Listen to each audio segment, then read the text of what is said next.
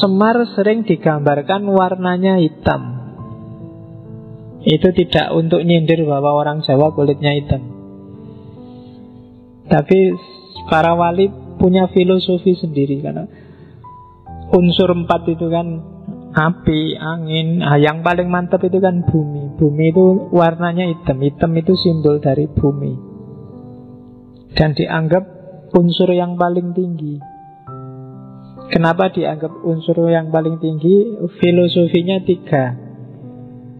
Yang pertama, bumi itu, tanah itu sifatnya teguh, diam, diinjak-injak, ya kan? Dijarah-jarah, kamu apain aja tanah itu tetap teguh.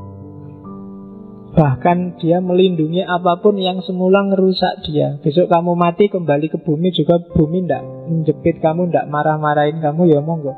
Kamu yang tadi nginjak-injak dia sekarang kamu dilindungi oleh bumi. Jadi bumi sifatnya diam, teguh. Manusia yang profilnya bumi itu biasanya orang yang teguh pendirian. Ndak gampang terombang ambing Diinjak, disusah-susah di atas dia ada apa pun dia nggak terpengaruh. Itu manusia versi bumi. Bahkan yang kedua, semua unsur yang lain, api, air, dan angin, itu dia bisa eksis dalam wilayah bumi. Tapi bumi tidak pernah sombong, tidak pernah gaya. Semar itu lebih sakti dari dewa mana pun Tapi dia tidak pernah menunjukkan bahwa dia orang hebat, orang sakti. Tiap hari hanya cengenges-cengenges Ngasih nasihat sama pemom yang dia ngomong dan seterusnya. Itu gayanya bumi. Dia punya segalanya. Api bisa menyombongkan diri dengan kedahsyatannya Air dengan kekuatannya Apalagi angin. Tapi semua bisa eksis kalau ada bumi dan buminya sendiri nggak pernah pamer. Dia nggak pernah sombong. Yang terakhir bumi diapain aja dia selalu mempersembahkan yang baik-baik. Kamu jahat, kamu kurang ajar, kamu angkara murka, bumi selalu ngasih kamu yang baik. Ngasih tumbuhan, ngasih makanan, ngasih kehidupan itu bumi. Maka semar dikasih warna hitam. Simbol dari keteguhan, simbol dari kemanfaatan, simbol dari ketidaksombongan. Apa air, api, dan angin tidak penting, penting. Tapi semua berada di bawah levelnya bumi dan tanah. Oke, itu filosofi warna hitam. Makanya Semar digambar pakai warna hitam. Jadi kalian yang kulitnya hitam tidak usah minder. Nah, filosofinya tinggi kalau ditanya kamu. Jadi kalau kulitmu kok hitam loh, jangan salah hitam itu unsur yang paling tinggi. Karena dia melambangkan bumi. Nah, lumayan tuh kamu dapat dalil untuk pede pas kulitmu hitam. Oke, jadi itu filosofinya warnanya dia.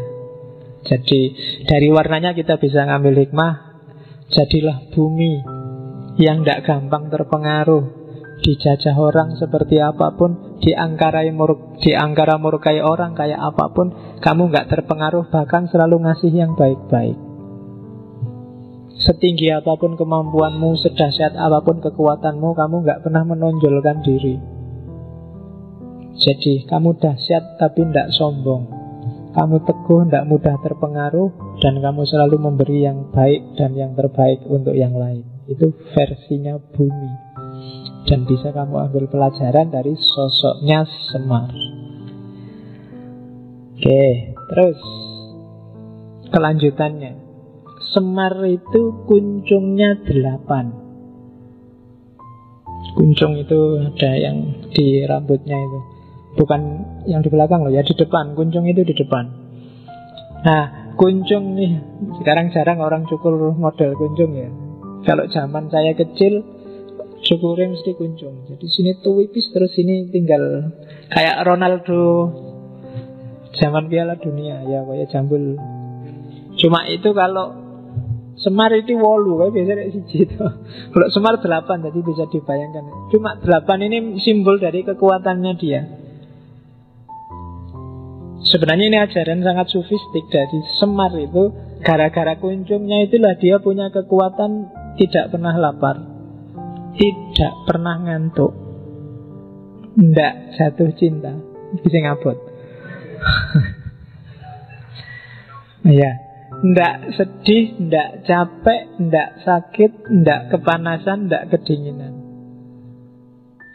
Ini sebenarnya mau bilang bahwa Semar tidak terpengaruh oleh apa pun di luar dirinya.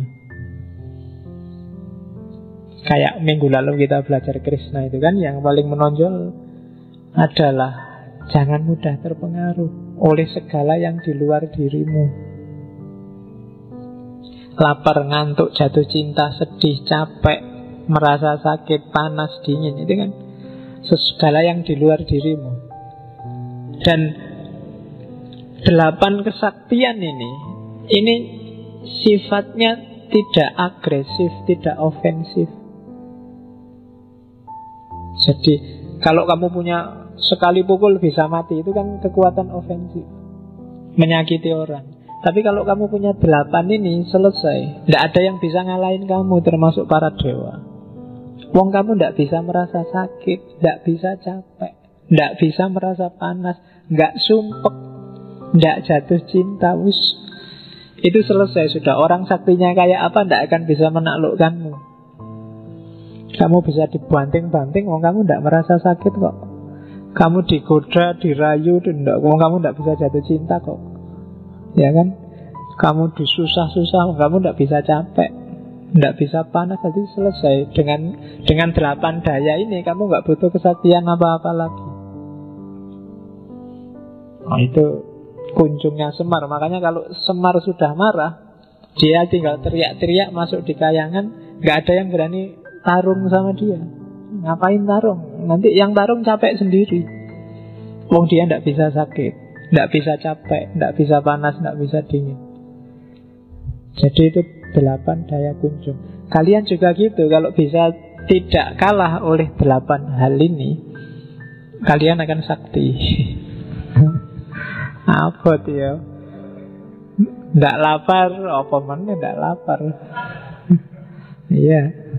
Tidak ngantuk, ah, lagi? Kamu duduk sebentar ya sudah liar-liar. Tidak jatuh cinta, sang soyo. Baru diputus saja kalau ada yang anu ya ayo. Bahkan sudah punya pun ya kalau ada yang lebih anu ya ayo kan. Jadi tidak mungkin. Tidak sedih, as. kamu tidak mungkin kan tidak bisa sedih. Tapi kalau bisa jadi nggak sedih bagus. Tidak merasa capek. Ini susah wis. Tidak menderita sakit. Tidak kepanasan, tidak kedinginan. Kalau kamu bisa mengatasi ini, kamu sakti. Koyo semar, tidak ada yang bisa mengalahkan kamu. Yuk ambil simboliknya. Itu sebenarnya simbol dari perlambang-perlambang nafsu dan daya yang ada dalam dirimu. Kalau kamu bisa menguasai, kamu sakti. Tidak lapar, ya manusia mesti lapar. Tapi lapar jangan sampai menaklukkanmu. Jangan sampai bikin kamu lupa prinsip. Jangan sampai bikin kamu menghalalkan segala cara. Itu berarti kamu sudah menaklukkan lapar. Ngantuk juga begitu, jatuh cinta juga begitu. Jangan sampai jatuh cinta bikin kamu takluk. Jangan sampai rasa suka pada yang lain bikin kamu mengorbankan banyak prinsip hidup yang bagus yang lain. Boleh jatuh cinta tapi kuasai dan taklukkan jatuh cinta di bawah kontrolmu. Taklukkan itu semua maka kamu jadi sakti.